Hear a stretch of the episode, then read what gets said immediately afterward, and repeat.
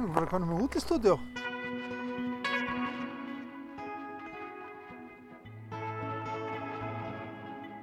Já, góða hlustundur, við sjá helsar í góðverðinu á ægisíðinu. Við sitjum hérna við Eirikur Guðmundsson við grásleppu skúrana og hafið blátt. Eirikur, þetta er ekki dónýtt. Nei, gott að hlusta á öldu gjálfur undir eh, brakandi bláum himni og sólinn skín og ég held að það sé, já, ég held að það sé vorjafndægur í dag, Guðni. Og fallegt er það og við ætlum að koma víða við hér í þættinum í dag sem að, já, eins og þessa vikuna og og væntalega næstu vikur verður sendur út hérðan úr vesturbænum. Við ætlum meðal annars að já, ræða við Jón Ólaf Ísberg, sakfræðing um veiru og veirufræði og það hvernig já, forfeyður okkar lærðu að uh, þekkja og uh, já, læra inn á svona þessi smæstu kvikindi sem eru í kringum okkur, það eru veirurnar og, og bakteríurnar. Já, förum líka í heimsókn í galtóma þjóðabókluðuna hér í ett hjá, en handritasafn landsbókasafnsins hvetu nú fólk til að skrásetja og halda utan um minningar og persónlegar heimildir um COVID-19 og senda safninu. Við ætlum að ræða við Braga Þorgrím Ólafsson sem er fagstjóri handritasafns landsbókasafns Íslands. Já, galtóm þjóðarbóklaða mörg tóm hús í Reykjavík í dag. Uh, við ætlum líka að tala um mjög merkilega bók. Það eru margir að hugsa um skáldsögu sem að kom út já fyrir ríflega halvri öld en talar enn til okkar og kannski enn betur nú en já nokkur sinni fyrr. Herman Stefánsson Rítufundur, hann ætlar í dag að fjalla aðgefnu tilefni um skáldsöguna Pláuna eftir franska Rítufundin Albert Camus. Þetta er bók sem að kom út árið 1947, frábær bók og um, þar segir frá farsótt sem að leggst á allsýrsku borgina Óran snemma á síðustu öld. Já, þetta er bók sem að fjallar um það hvernig samfélag glýmir við farsóttir. Segir frá hugrekki, einstaklinga, ofsatrú, uppgjöf, múgæsingu og jafnvel endurlaust. Hlustendur fá í dag að heyra Ljóð fyrir þjóð. Þetta er verkefni sem að fóra af stað í þjóðleikúsinu í gær og við sögðum frá hér í Víðsjá í gær. Rættum þá við Magnús Geir Þórðarsson þjóðleikús stjóra. Ilmur Kristjánsdóttir, hún les í dag Sól stöðu þölu eftir Ólöfu Sigurdardóttur frá Hlöðum. Þetta var tekið upp í þjóðleikúsinu í gær fyrir, ef ég skilja þetta rétt, einn gest. Það var bara einn gestur í salnum og það var kona sem að heitir Svava Björk Ólafsdóttir. Hún var fyrsti gestur. Já. En við byrjum þáttinn í þjóðabókluðinni.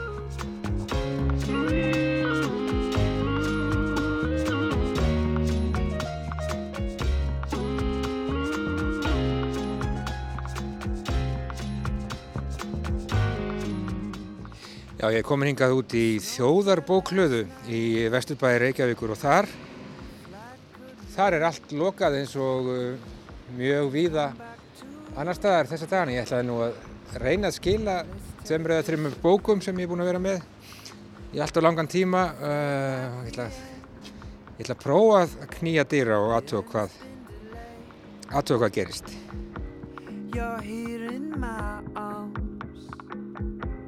So what should I say?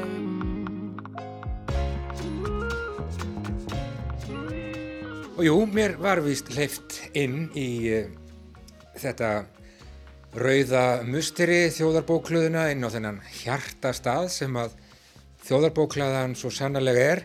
Uh, ástæðan fyrir því að ég er komin hingað, hún er nú ekki bara svo að ég ætlaði mér að skila þremur bókum, einni frá Egiptalandi, annari frá Þískalandi og uh, þeirri þriðju frá um, Fraklandi. Um, gamla syndir sem ég ætlaði að, að uh, leta af mér.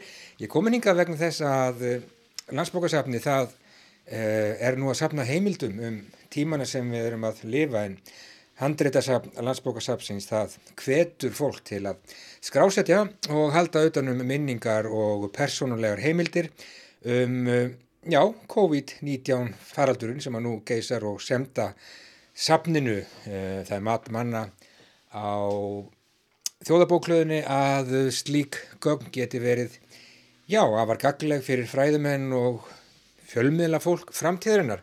Hann tekur fallega á móti mér, hann bræi uh, Þorgrimur Ólafsson. Hann er uh, fagstjóri handritasapsins hér á þjóðarbókluðinni. Hún er galtóm að öðru leiti.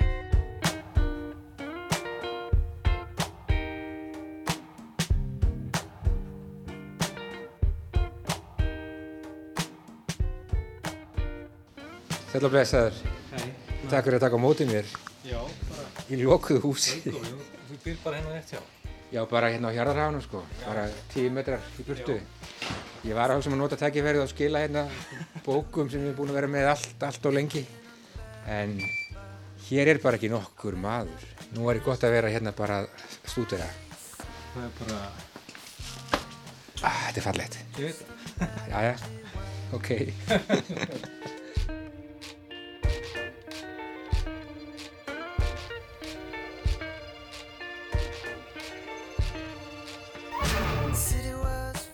Herru, þið eruð að hérna fara að safna heimildum um þessa tíma sem að eru nú orðnir, já, sögulegir nú þegar. Við skulum vona að þeir verði ekki of sögulegir. Þið eruð að byggja fólk um að, um að, já, senda ykkur frásagnir og já, bara svona af, af daglegu lífi er það ekki í, í þessu ástandi eða hvað? Eins og ég skilda rétt.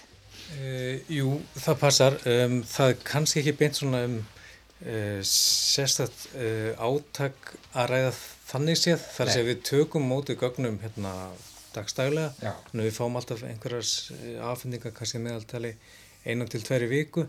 En við vildum bara benda fólki á þennan möguleika. já, uh, og bara endilega að halda til haga svona, daglegu lífi í, uh, bara á þessum tímum og taka saman og, og senda okkur og það getur verið, þú veist, fólk hendur kannski ennþá einhverjar skriflegar dagbækur uh, ef ekki þá eru kannski sömur sem að bara vilja pika eitthvað inn í tölvu og senda okkur já.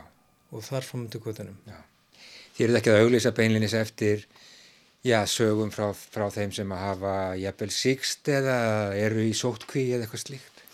Jú, jú, það er hérna bara raun og veru frá fólki hvernig það tekst á við þetta í hverstarslífinu hvar svo sem það er statt. Einmitt. Eh, Þeir sem eru sóttkví, þeir sem eru sjúkir, þeir sem eru heilbreyðir, þeir sem að eiga, er aðstandendur einhvers sem að er í sóttkví eða þurfa að glíma við hvernig á að uh, kljástið uh, minn, minna skólahald, uh, hvernig á að fyrir veslanir og þess að þar. Já. Þið náttúrulega hafið gert eitthvað svona við líka áður og þið náttúrulega eruð alltaf að taka á móti ekki satt persónulegum heimildum allt, allt árið um kring og, og, og öll ár en ég man til dæmis þarna fyrir tveimur árum þá tóku þið þátt í já, verkefni sem var kent var við árið 1918 í samfunnu við í áríkisútarpið og, og listaháttíð ekki satt. Jú, það passar. og það var mjög skemmtilegt verkefni um, og þá fórum við svolítið á kaf í sapkostin hjá okkur og týndu til eitt og annað sem við áttum til frá því ári og þar á meðal var heilmikið af um, svona persónulegum lýsingum á viðbyrjum ársins og þar stendur alltaf spænska vikin upp úr. Algjörlega, um, og Göllugós, já, köllugós um, og, náttúrulega fullveldið og, Já, og allt þess að Já. og svo náttúrulega bara daglega líf. Já. og það er kannski þessi þetta persónulega sjónhrótt sem er svo uh, áhugavert. Það að segja að það er kannski ekki endilega það sjónhrótt að fólk er að segja frá sínum innstu leyndamálum eða þess að Nei. heldur bara frá svona daglegu lífi. Já, það verður mjög, mjög mikilvægt og, og verðmætt þegar, þegar, framlýða stundir. Já, vissulega. Um, það hefur nú komið fram að Gunnar Þór Bjarnarsson sakvarengur er að vinna að bókum Spænskuvíkina og hann hefur verið í e, viðtölum þar sem hann hefur bent á einmitt hvað þetta persónulega sjónarótn er, er hérna mikilvægt. Sko, um, já, það eru líklega, við erum sennilega að lifa sögulega tíma, um, vonandi eins og ég sagði þér áðan, þá verður þeir ekki, ekki of sögulegir, en, en þið kannski eruð að gera þetta, auðvitað ekki síst bara fyrir, já, fyrir framtíðina, fyrir mögulega fræðimenn framtíðarinnar, þá sem að munu einhver tíman horfa tilbaka og, og, og skoða þessa tíma. Já, bara eh, vissulega, bara, við erum bara uh, safnið sarpin uh, og haldið þessu til haga, jú, vissulega fyrir fræðimenn uh, og þau sem koma á eftir okkur er líka bara ef að fjölmiðlar vera, vilja gera þetta upp síðan setna meir. Já, einmitt. Ef að ég myndi nú senda ykkur alveg hrikalega krassandi frásögn af, af sjálfum mér, hérna, er ykkur tímamörk á því hvenar það er gert ofinbært? Eh, Það er í fólki sjálfsald sett hversu lengi það hafa og, og lókuð eða opinn eða þess að þar. Mm. En yfirleitt er þetta nú bara svona almennar lýsingar svona frá degi til dags. Já. Nú kannski ljótt að, segja það bara en, en svona ég, það læðist nú að mér sá grunur að eh, einhverjum finnist dálítið, uh, já, heitlandi að lifa sögulega tíma þótt sannarlega með neikvæðum formerkjum sé, sé nákvæmlega núna við náttúrulega lifum hér á vesturlöndum í svona bísna vernduðu umhverfi skildi maður halda, þetta er svona eins og að búa í í íbúð með tveimur samleikjandi stofum og, og, og vel teppalögðum að sjálfsögðu eru skúmaskot, dimm, uh, en kannski ekki eins mörg og í, í, í öðrum heimsálfum, uh, kannski leiðist okkur bara og kannski langar okkur að lifa sögulega tíma. Er ljótt að segja þetta? Já, þetta, um, við höfum náttúrulega fengið að staðfesta eiginlega bara sátt og hvítu. Þetta eru vissulega uh, sögulegi tímar og vonandi náttúrulega stefnir ekki allt í óefni en, en einhver síður er mikilvægt að halda bara þessum heimildum til, til haga. Já. Og við náttúrulega höfum oft, eh, það er oft vísa til spenskuvikinnar í, í þessu samingi og við erum náttúrulega ekki, ekki þar. Nei. Þannig að hérna, ég held að þessi ágæti að halda því til haga. Við erum með heimildir frá þeim tíma Já. og þær, um, þær heimildir gefa til kynna hversu virkilega alvarlegt ástandi var, var þá Já. en nú, núna erum við náttúrulega rúm, rúmur öld síðar og náttúrulega samfélagið er betur statt og, og ekki um einn skæða veiki að ræða. Sem betur fer, uh, fenguð þið góð viðbröð við uh, því sem þið voruð að gera í tengslum við árið 1918 og áttu vona góðum viðbröðum núna? Um, já, um, verkefnið samt er 1918, það var sendt unni í sam, samstæri við listáttið og rúf Já.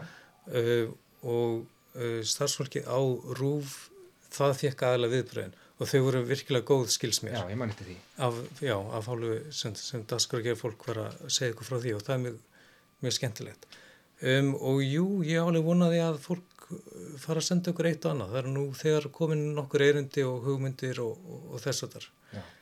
og við erum svo sem ekki að auglýsta neitt sérstaklega en bara ágætt að minna fólk á að þessi stofnur er til staður og þetta er meðal annars hlutverkannar Hvernig skilgreinum að sögulega tíma? Já, r- mikið rask á daglegu lífi, getur við sagt. Um, mikið að gerast hérna í, í löndunum í, í, kringum okkur, grípa það til róttakra aðgerða Já. og þess að þar. Svona einhvers konar inngrip í, í, tilveru okkar. Já, sannlega. Nákvæmlega. Bræði Þorgrimur Ólafsson, ég vona að þetta gangi bara uh, ljómandi vel hjá okkur og þið fáið uh, margar frásagnir og, og heimildir sem að uh, já, hægt verður að móða úr þegar að fram líða stundir og ég endur tek það nú enn og aftur að ég vona að þessir tímar verði sannarlega ekki of sögulegir og ekki of eftirminnilegir. Uh, þeir eru kannski orðnir hjá eins og ég sagði hér áðan uh, sögulegir nú þegar. En þú situr hér í galtómri þjóðarbókluðu, hvernig tilfinning er það? Hún er mjög uh, skrítin en við erum nú uh, að fara núna stunda fjárvinnu Já. að einhver leiti. Þannig að smátt og smátt er bara, er þetta alltaf breytast í okkur og, og allstaðar í samfélaginu. Já. Gott að vinna hérna núna. Það er mjög rólegt, getur við sagt. Mjög rólegt. Og engi gestir í dag. Engin gestir, en við fáum vissulega uh, svona símtölu og tölupósta og fyrirspilnur og svona sem við hérna bara uh, vinnum úr. Nákvæmlega. Bræði Þorgrímur Ólafsson, ég segi bara takk fyrir spjallið. Þú ert fagstjóri handreitasaps, landsbókasaps Íslands og já, ég vona að þið fáið sannarlega margar frásagnir og, uh, og uh, eitthvað til að móða úr í framtíðinni. Ég segi bara takk fyrir spjallið og gangi ykkur vel. Takk. Já, takk fyrir mig.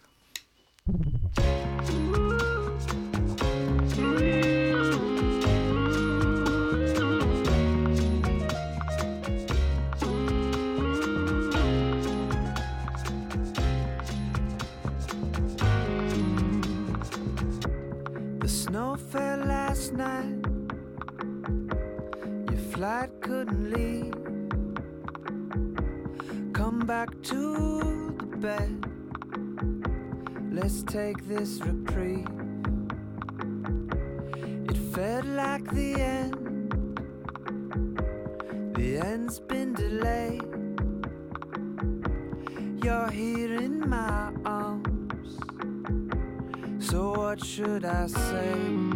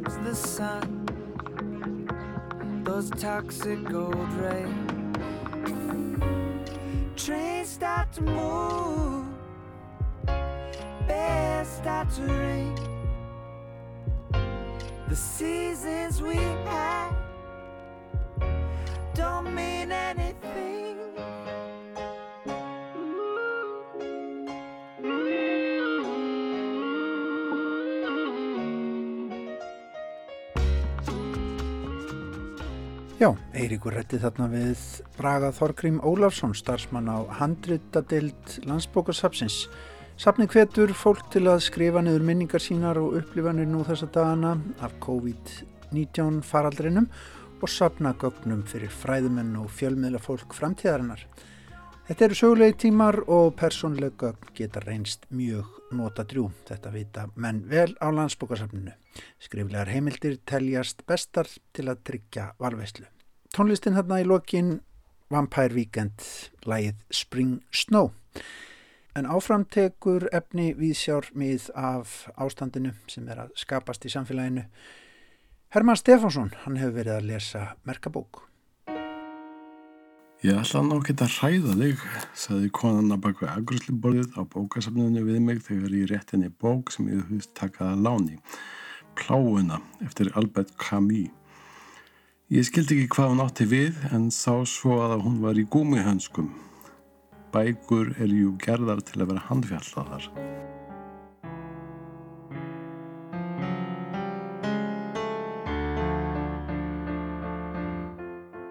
Ég hafði ekki lesið pláuna eftir Nobelsfelluna hafan Albert Camus frá því að ég var barn ungur.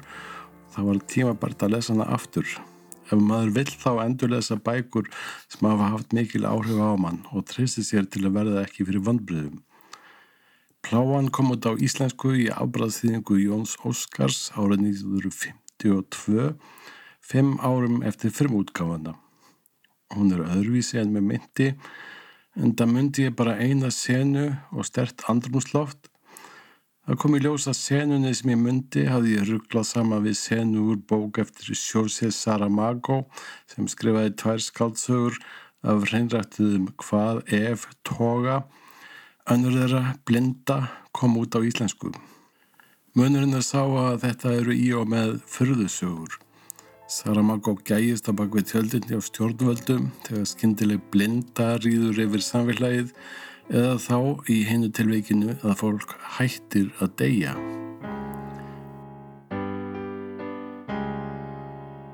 Saramago rínir í valdastruktúr og stjórnmál, sviðsetur samtöl valdsmanna. Pláan er ekki fyrðusaga og stjórnmálamenn er með öllu fjaraverandi. Ekki er spurt um stjórnmál heldur þið mennska ástand, sálarlífið anspænis fráleitu ástandi. Stílinn er aukþess allur annar, svo ótrúlega tær, þótt frásagnar að þeirrin sé skild. Stundum er sagt frá í fyrstu personu flertölu, við og tóntegundin er einhvern veginn bæður hlutlæg og hlý. Sagan hefst á því að róttur taka skrýða út úr hverju skúmaskoti í borginni Óran í Allsýr og drepast þúsundum og þúsundum saman. Personurnar eru ekki fulltrúar hugmynda í heimsbyggilegri tilrunarstofu, heldur velskapaðar skáldsagnapersonur sem breytast og þróast eftir því sem sögunni vindur fram. Þetta er heldur ekki æsileg katastrófu bók, Tótunin er ákaflega tempraður og margt látið ósagt. Það er ekki beinleins að þetta seilast í þessa bók eftir viðbras áallun en kannski er hún næmasta lýsing á sálárastandi fólks í farsót sem skrifið hefur verið. Það eru ákveðnir fasar í gegnum pláuna, afneitun, hystería, andof gegn hysteríu, meiri afneitun, óskýrt upplýsingaflæði, skýrara upplýsingaflæði og loks aðgerðir og svo harðarið aðgerðir. Stjórnvöld landsins loka borginni, hliðverðir gæta enganga. Sögumadur sem hefur tekið saman annala og dagbákum annara og eigin reynslu lætur ekki upp í hverja sé fyrir enn í bókarlokk. Frásögnin er hlutlæg, æsingalauðs og yfirveguð. Allsöguheitjan er Bernard Ríó, ungur læknir orðvandur og grandvar náungi sem ber hitan og þungan af aðgerðum heilbreyðistjættarinnar þegar pláan skellur á af fullum þunga og fólk tekur að deyja. Við pláunni er engin lekning. Ríó sker á kíli til að hleypa út greftri, setur upp sóttkví og einangrunn, gengur fumlaust til verks, einfallega af því að það er hans starf og ber sinn eigin harmi hljóði en kona hans hefur nýverðið senda á heilsuhæli utan borgarinnar vegna óskildra meina. Það er aðskilnaðurinn frá umheiminum og oft á tíðum ástvinum sem hafa verið statið utan borgamúrana þegar lókunin skall á sem fyrst hefur áhrif auk sífjölgandi döðsfjalla. Fólk saknar, það fyllist útleðarkend, það reynir að eiga í samskiptum við ástfinu sína með ýmsum móti, símalínur springa fljótt, brefaskipti eru bönnuð, þar sem bref geta verið smitberar og endað er á símskeitum. Sá stíl er knappur, í símskeiti verður ekki meira sagt en að þið koma til líði vel og sjáu vonandi bráðum ástfinnin. Með einhverjum hætti og ásamt öðru hefur þetta áhrif á sjálfstjáninguna yfir leitt. Fólk fyllist einhverju sem minnir á hlutlagni. Orðum þess fækkar, orðfæði breytist og fólk fyrir að orða floknar sálarkrísur í fáum orðum. Sögupersonum fjölgar sem 13 ára gammal lesandi vekti ég því ekki aðtikli hversu fáar hvernpersonunar eru en það las ég ekki Helgu Kress fyrir enn 14 ára. En hvað um það? Aðkomi menn læsast inni í borginni og eina af nýsilegustu personunum er hinn dulafulli Jean Tarot sem er þar stattur í ókunnum erindagjörðum, er fullur af kátinu og dálitið yfir aðra hafinn. Hann heldur dagbók sem er full af glöggum en einkennilegum aðtugasemdum. Hann minnist á hinn ljósbrúna augnalit móður læknisins og um augnatillit Ríó læknis segir hann að augnatillit sem feli í sér slíka góðsemi verði ávalt máttúrei en drepsótin. Svo kemur til þess að klerkurinn í sögunni, Jesuítin Panulús, heldur eldræðu. Bræður mínir, ógjavænar tilíðar að komin, bræður mínir, þér hafið verðskuldað hana. Hann vitnar í pláur í Egitaflandi til forna. Frá upphafi sögunar hefur pláa drottins beitt hinn að rókafullu og blindu í duftið. Hulegu þetta og fallið á knið. Hugsunin er á einhvern hátt inngróin í manns hugan og þarf ekki einu svonni fulltrú að trúabraða til að færa hann í orð. Pláa er ekki tilgangslus hending heldur refsing fyrir hróka og spillingu. Guð, náttúran eða hvað sem það er hefur litið undan. Stund íhugunarinnar er komin. Þetta verður vinsælt. 200.000 manna borg sem í upphafi bókar er lífs sem óskup venjulegri borg. Hún sé ljót, sviplaus, fólki leiðist í henni. Það lifi lífinu í senn viðutan og í eilífum æsingi vinni mikið og æfinlega í þeim tilgangi að verða ríkt, hafi ekki áhuga neinunum að verslun og gróða bralli, sjálfnast sé neitt meðalhóf á því hvernig fólk elskar, Það eidileggi sig ímist fljótt á ástaræfintýrum eða flækist tvent saman í vana. Þessi borg verður næsta heldtekinn af þeirri hugmynd að pláan hafi tilgang og sé refsing fyrir hrókan. Fólk snýr sér að trú og ekki síður hindurvitnum, bókum sem gefa vafasum heilræði um hvernig megi forðast pláuna á meillis þess sem það sekku sér í lestur endalöðsra frétta um pláuna sem segja ekkert nýtt og eru skrifaðar af þreyttum bladamönnum sem leiðist. Og það lustar á eldmessur sér að panelúk. Hinn sérkennilegi Taró skrifar í dagbóksina. Ég skil hennan tilfinning að hýta. Þegar pláur eru að hefjast, svo og þegar þær eru að enda, eru ávalt haldna ræður af meiri eða minni mælsku. Í fyrra skiptið er vanin enn við líði, í síðara skiptið er hann aftur komin til lífs. Það er á stund ógjafunar sem menn vennjast sannleikanum. Það er að segja þögninni. Sjáum hvað setur. Eins og fara gerir um lakna þarf Ríó að brinja sig. Hann þarf að gera óvinnsæðar hluti, aðskilja síkt börn frá fóreldum sínum og setja þau í sótkví og óvíst að fóreldrarnir sjáu þau aftur. Hann er ásakaður um að vera kaldur og fræðilegur. Upp úr þörru býðist aðkomimaðurinn Taró til að koma á fót sjálfbóðarlega samtökum til að mæta pláinni. Um síður ákveðir presturinn að ganga til liðs við þau. Þegar leknirinn og presturinn horfa upp á barn, deyja, missir sá fyrrnemdi í eina skiptið þólinn með hennar og segir hugsin. Ríó snýri sér hvað skeillega við og reytti út úr sér. Nú þetta barn var þó saglust, það veitir þér vel. Af því að horfa upp á barnstöðan kemst sér að Panelúks í ákveðna trúarkreppu.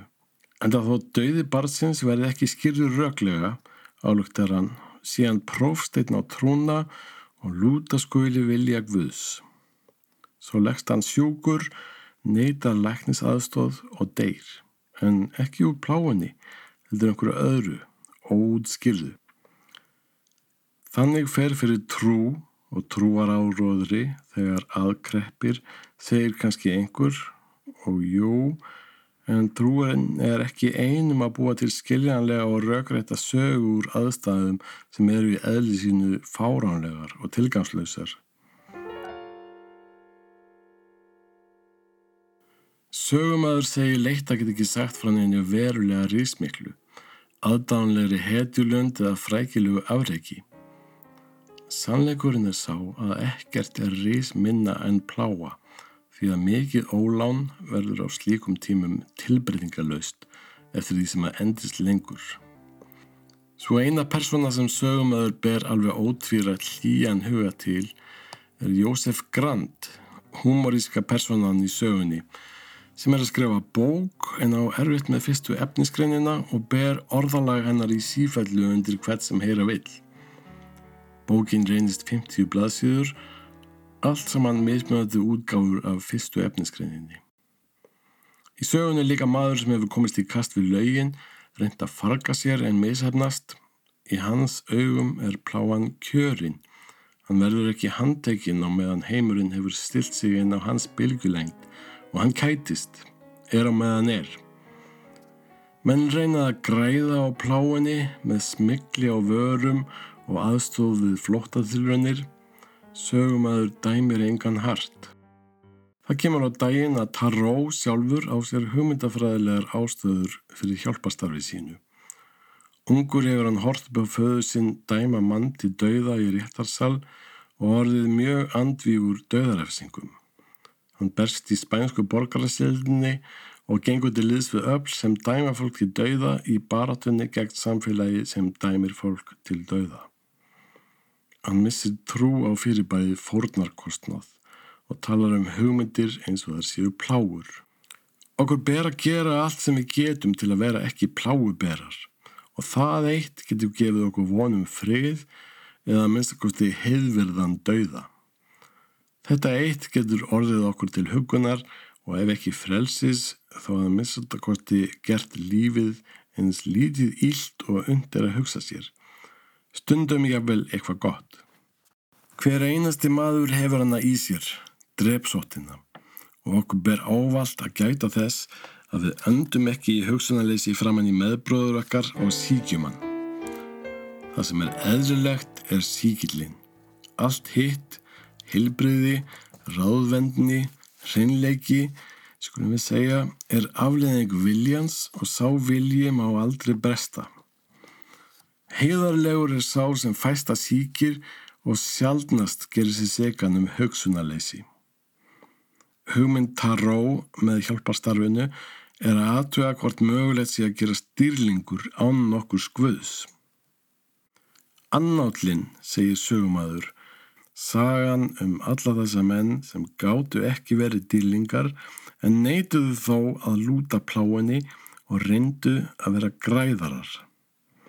Hann hefur skrifað annálinn til þess að vera ekki eitt þeirra sem þeia.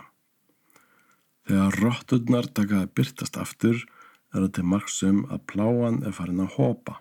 Niðurstaða læknisins lætur kannski ekki mikið yfir sér og er sannlega laus við alla ofröst og alla ofsögn, en er þeimun fallegri. Þau einföldu sanniti sem menn læra á drepsótar tímum. Það er fleira aðdánavert en fyrirlitlegt í fari mannana. Herman Stefansson, reytöfundur, send okkur þessa sendingu um pláuna eftir Albert Camus. En þá aftur út í bæ til að heimsækja mann sem að þekkir íslenska heilbriðissögu betur en flestir.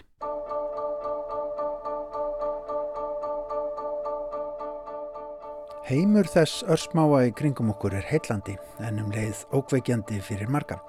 Manneskjan vil skinja hlutina og átta sig á skinjun sinni, sjá og handfjalla. Þessa dagana er veiran í vitund okkar, en vitund okkar mannan um veirur almennt á sér ekki íkja langa sögu og vísindaleg þekking varandi þær fer ekki að byggjast upp fyrir en senkt á 19. öld fyrir kannski svona 150 árum.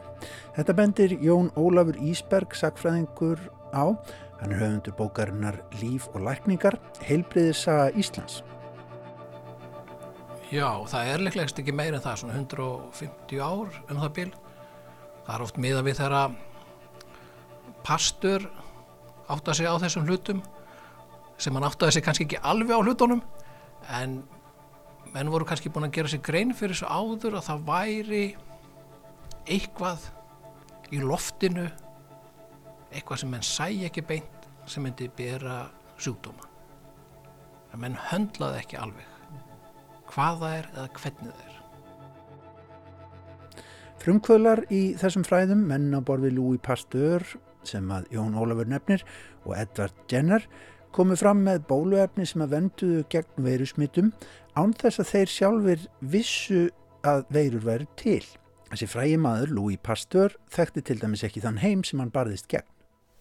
Ekki beint, ekki eins og við þekkjum hann í dag en hann, það sem hann kemst á það er að gerilsneiða, sem við kallum að gerilsneiða, sjóð eitthvað nýður og drepa það líf sem að var okkur kannski hulið til þess að koma í veg fyrir sjúkdóma og rótnun og fleira stíð og svo það skemmtilega við það þegar þú varst búin að sjóða eitthvað niður eins og menn fóru að sjóða matvæli þetta gríðarlega, gríðarlega áhrif á matvæli eðnað það er að sjóða eitthvað niður í dós.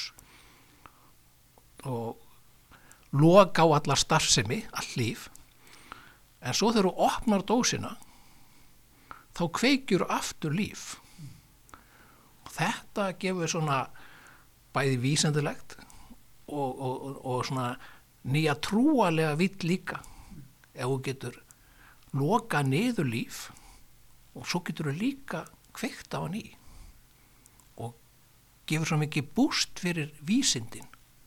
Þau stjórna lífi og dauða en ekki, ekki trúmálin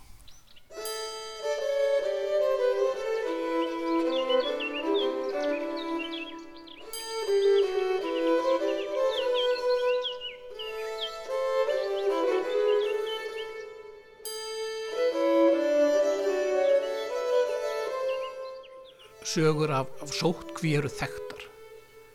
Kristur var 40 daga í eðimörkinni og ef ég man rétt að þá er uh, ítalska sagan Decameron hún er um um fólki í sótkví hefða fólki í sótkví fyrir utan Flórens.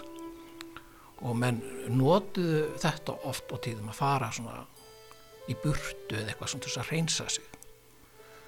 Og hér áður fyrir notuðu menn eða heldur menn að, að trúin myndi bjarga þeim? En svo þegar svartituði kom og þá voru allir henni trúræknu og góðu sko heilu klöstrin yttust og þá fórum menn að spurja og hvernig stendur á að allt þetta guðræta og góða fólk það bara deyr? Þá fórum menn að efast um það að þetta væri refsing guðs. Í, í, í bók Jón Stengriðssonar um skaftaröldana þá telur hann að þetta er refsingu guðs en það var Jón Stengriðssonar einstaklega forpókaður og gammaldags en þetta er ekki þannig þetta er ekki út af þínum lifnarháttum menn reyndu að nota svona reyndar í sambandi við AIDS á sínu tíma. Þetta væri refsing guðs. Og það kom upp svona, svona dómstagsbáminn í dag og finna einhverjur og samsærir kenningar og, fleira.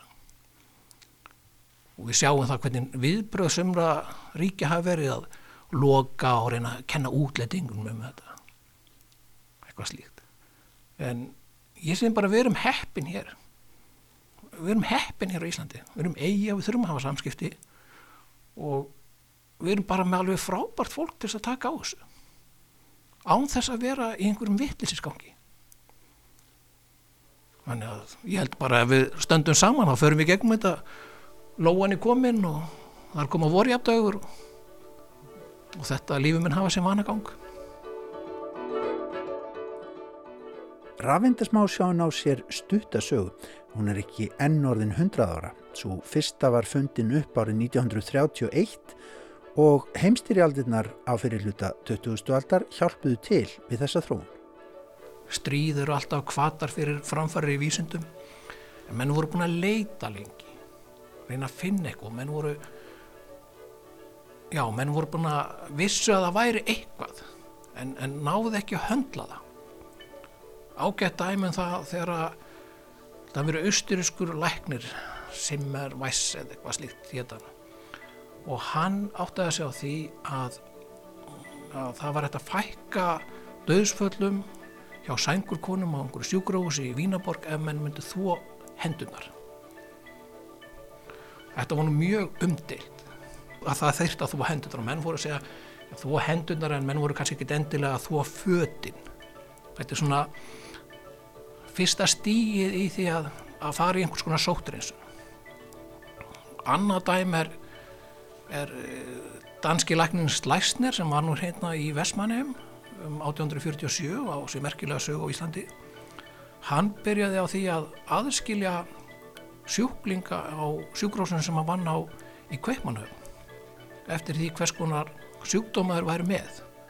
Þeir sem voru með kannski þurfti að fara í aflimun og þeir sem voru bara veikir fyrir lungun eða, eða svona færa þannig að, að smit myndi ekki fara á milli hann vildi sýta upp deildaskipt sjúkrás þetta fannst mannum mjög sérkilegt bara allir veikir þeir eru í sama pakka Það eru svona litlar hugmyndir sem við göngum auðvitað algjörlega út frá í dag sem gefnum uh, sem að, sem að hérna, þróast en þetta er ofta er það ekki vísindarlega þekking í, í læknisvísindum hún er daldið hvað maður segja, oft kemur til vegna bara já, slembilukku eiginlega.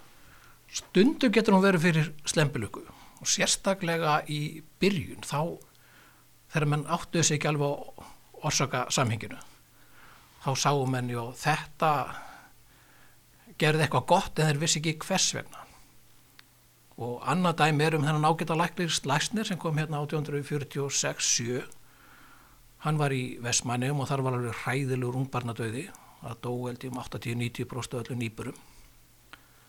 Og hann rannsakaði það mikið og pældi þessu. Laust hans var að allar konur ætti að fæða í sérstöku húsi og þar var náttúrulega við það hreinlæti á þeirra tíma og svo bara hann sérstakka ólju á naflastrengin og uh, ungbarnadauðin mingaði en hann áttaði sér ekki á því nákvæmlega hvað það var hvað allir þessum dauða, fyrstulega það var nú einhver stífkrampi sem kom úr umhverfinu. Og hann held að væri vegna þess að þær fættu í þessu húsi og hefðu börn og brjósti. En megin ástæðan er vantarlega það var að það komst óhrindi í naflastringin og þessi ólja sóttrisaði naflastringin svo heldum en áfram að nota óljuna en konuna fór að fæða heima. Bara eins og vennan var sko. Getur þú nefnt okkur dæmi um það hvernig, já, bara vittneskja um veiru smitt og mögulega lausnir á, á því dæmi, eh, sagt, á þeim smittum, hvernig hún hva, berst til Íslands og hvernig henni er tekið og hvernig mann, já, hva, til hvaða, til dæmis, aðferða menn grípa? Og það er eitt spes við, eða sérstætt við Íslendingar reyndar. Það sem ég held að sé svolítið sérstætt okkur. Höfum alltaf verið opinn fyrir nýjungum. Og eiginlega ótrúlega uh, opinn fyrir vísindalegri þekkingu sem hefur komið erlendir frá. Og menn þýttu erlendrið og, og þetta var ekki anstaða uh, en svo er víða um lönd mikil íhelsemi við ymsa breytingar og þetta gekk yfirlt allt saman hefur yfirlt allt gengið vel fyrir sig. Þekkingar í, þekkingi í lækninsvæði henni var yfirlt alltaf vel tekið. Og menn fóru til Kaupmannhafnar og læruð þar og þar var ákveðis háskóli. Og menn voru yfirleitt semst jákvæðir. Menn áttuðu sig til dæmis eins og með, með smitleiðir. Eða þó menn áttuðu sig ekki alveg á því hvernig þetta smitaðist þá til þess að sitja í, í sótkví og annað slíkt. Þá skildu menn það hérna og tókuð alvarlega það er bólusóttinn sem fræga sem kemur hérna 1707 hún grassir eiginlega til dæmis bara eiginlega í kveipmanum vegna þess að þeir sett upp eh, verði allt í kringum borgina þess að fólk kem ekki inn í borginu og væri ekki að fara út úr borginni. Þau gert það nokkur mórm áðun þegar voru að koma bólusóta faraldrar því það voru alltaf að koma faraldrar á öðru kvoru alls konar pestum. Og meðan voru búin að átta sig á því að það hún berst einhvern veginn svona sögur um að það komið þoka eða kemur svartur fuggl eða eitthvað slíkt og, og svona menn ná utanum það þannig en svo gerist það á svona 17. og 18. öld að sóttir fara grassir verða til í samfélagunum vegna þess að það eru nú margt fólk og þá gerist það það sem kallað er sóttkveikju saminning það sem sóttin verður landlæg hún verður alltaf til staðar og hún leggst aðalega á börn. Alltaf þegar koma nýjir og nýjir inn í kerfið þá veikast þeir. Og svona mislingar, rauður hundar og, og svona. Þeir eru ekkert svo hættulegir fyrir börnin. Þeir eru hættulegir fyrir fullari fólk. Og þess vegna ef hún gengur nógu ört og er til í samfélaginu þá, þá verður þetta ekkert hættulegt. Og það er svona fjölga fólki og það gengur betur að halda við sjúkdónum og en við vorum svo langt í burtu íslendingar að sóttirna komið svo sjaldan. Og þess vegna var dánatíðinu miklu meiri hér á landi heldur en þess viða í Evrópu. Vegna þess að hérna kom bara kannski 20-30 ára fresti. Og þá dó bara fólk á þessum aldri. Og ég mani til því að einhverju skrifur frá landlækni í kringum aldamótin 1900 að þá vil hann eiginlega bara fara að ná í einhvern pestargemling út í kaupmanöfni manni hvort það voru mislingar eitthvað slíkt og koma með hann? Bara til þess að smita? Til þess að það myndi ekki, því þá hafði liðin held í tíu árfröði að síðast í faraldur ekki þá var hugsunum að við yrðum að fá þetta í rauninni til Já, við yrðum að fá þetta og börnin er að fá þetta. Þetta ver, leggst ekkert mjög þungt á þau. Og bara, ég var að rifja þetta um daginn og þá sagði kunningi minn sem er nú svona runglega 50 hans aðeins munið til því að mamma hans hafa ágjör að hann var ekki búin að fá einhverja þessum barnapestum. Hann að hún tók hann með sér í heimsókn það sem voru krakkar sem voru held í mislingum eitthvað slíku, bara þess að smita og Þórólfur nefndi þetta um daginn að, að við þurftum að kannski að fá svona, hann að þetta verði landlægt. Og þessi koronaveiki eða koronavírusin náttúrulega þekktur.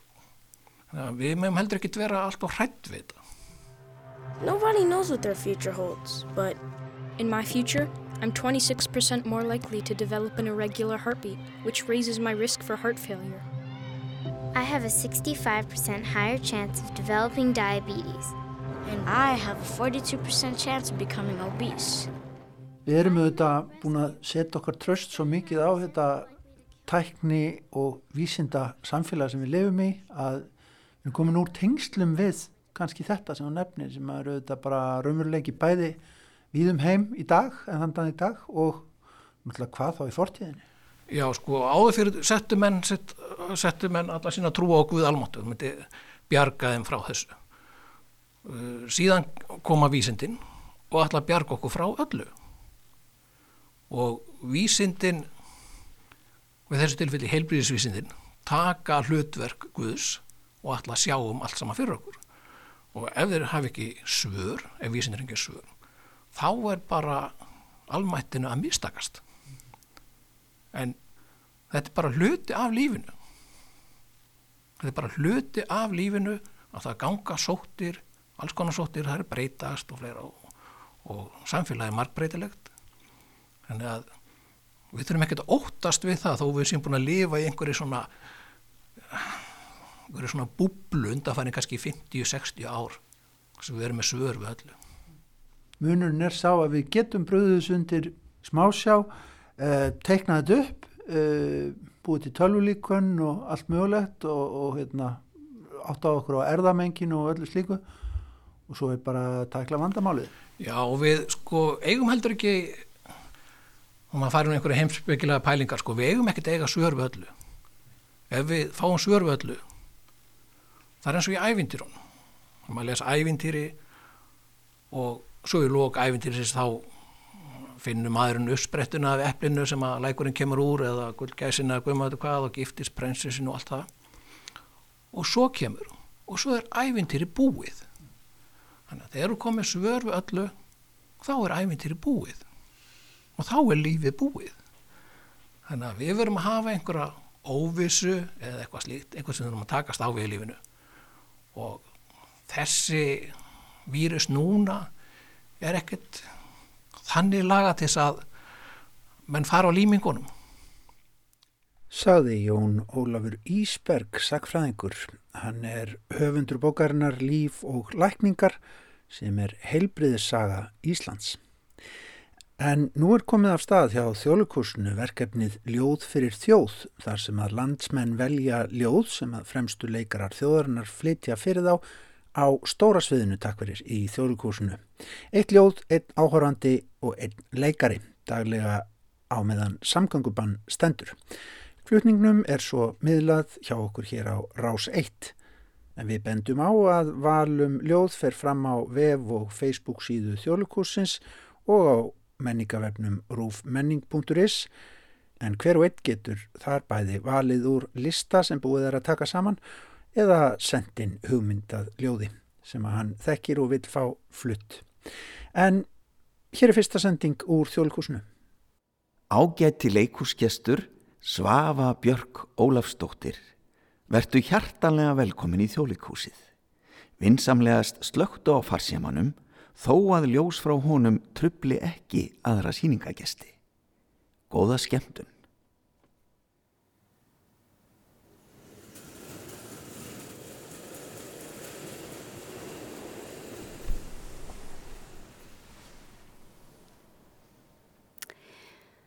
Sólstöðu þula eftir Ólöfu Sigurdardóttur frá hlöðum. Veltu burtu vetrar þunga, vorið, vorið mitt. Leittu mig nú eins og unga inn í draumaland þitt. Minninganna töfra tunga talar málið sitt þegar mjúku, kyrru, kveldin kinda á hafi sólar eldin.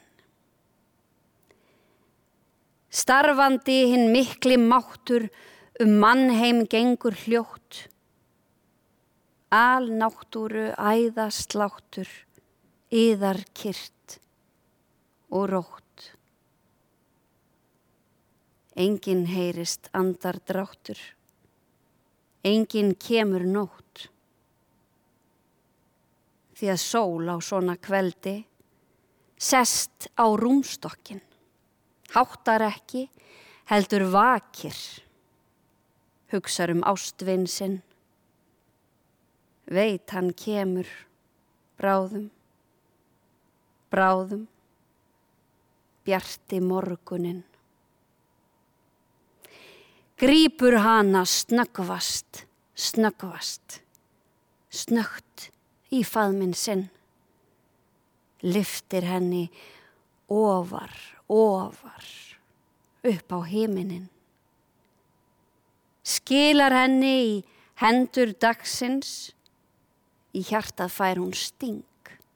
Æ, að láta langa dægin leiða sig í kring, ganga hægt og horfa niður á heimsins umsnúning. Komast loks í einrúm aftur eftir sólarring til að þrá sinn unað, unað, indis sjónkverfing.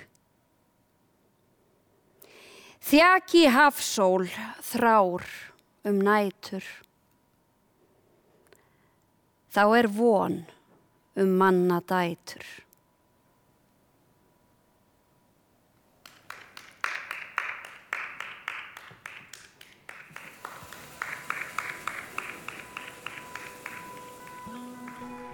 Já, þarna var einn gestur að klappa í þjólikósinu. Þarna var það Ilmur Kristjánsdóttir sem hann las fyrir einn gest. Þetta var ljóð fyrir þjóð. Við munum miðla þessu áfram hér í Vísjá og höldum áfram auðvitað í næstu viku því að þá er næsti þáttur að Vísjá. Já, vel til fundið að flytja þetta á vorja dægri veltu burtu vetrar þunga vorið, vorið mitt, leitu mig nú eins og unga inn í draumaland þitt. Engin heyrist andardráttur, engin kemur nótt Ólöf Sigurðardóttir frá hlöðum. Og fleiri ljóð á næstu dögum en uh, það stýttist í þessu hjá okkur í dag en ég, veistu hvað ég er búin að hugsa um í allan dag? Nei. Það er tært vatn í síkjónum í fenni. Þau eru hann hrein. Það er virkilega. Já, þar sjást bara fiskar synda í makindum sínum og þar var uh, höfrungur á ferð í gæðir. Fallegt. Við setjum hér við hafið, það er blátt hér á ægisíðinu, hveðjum og heyrumst aftur í næstu viku á þriðudag í Vísjá. Já, löst eftir klukkan fjögur á þriðudag minnum á glefsur úr þáttum þessari vikur hér á Ráseitt klukkan 14 klukkan 2 á sunnudag en þetta er búið í dag. Takk fyrir okkur. Verðið sæl. Verðið sæl.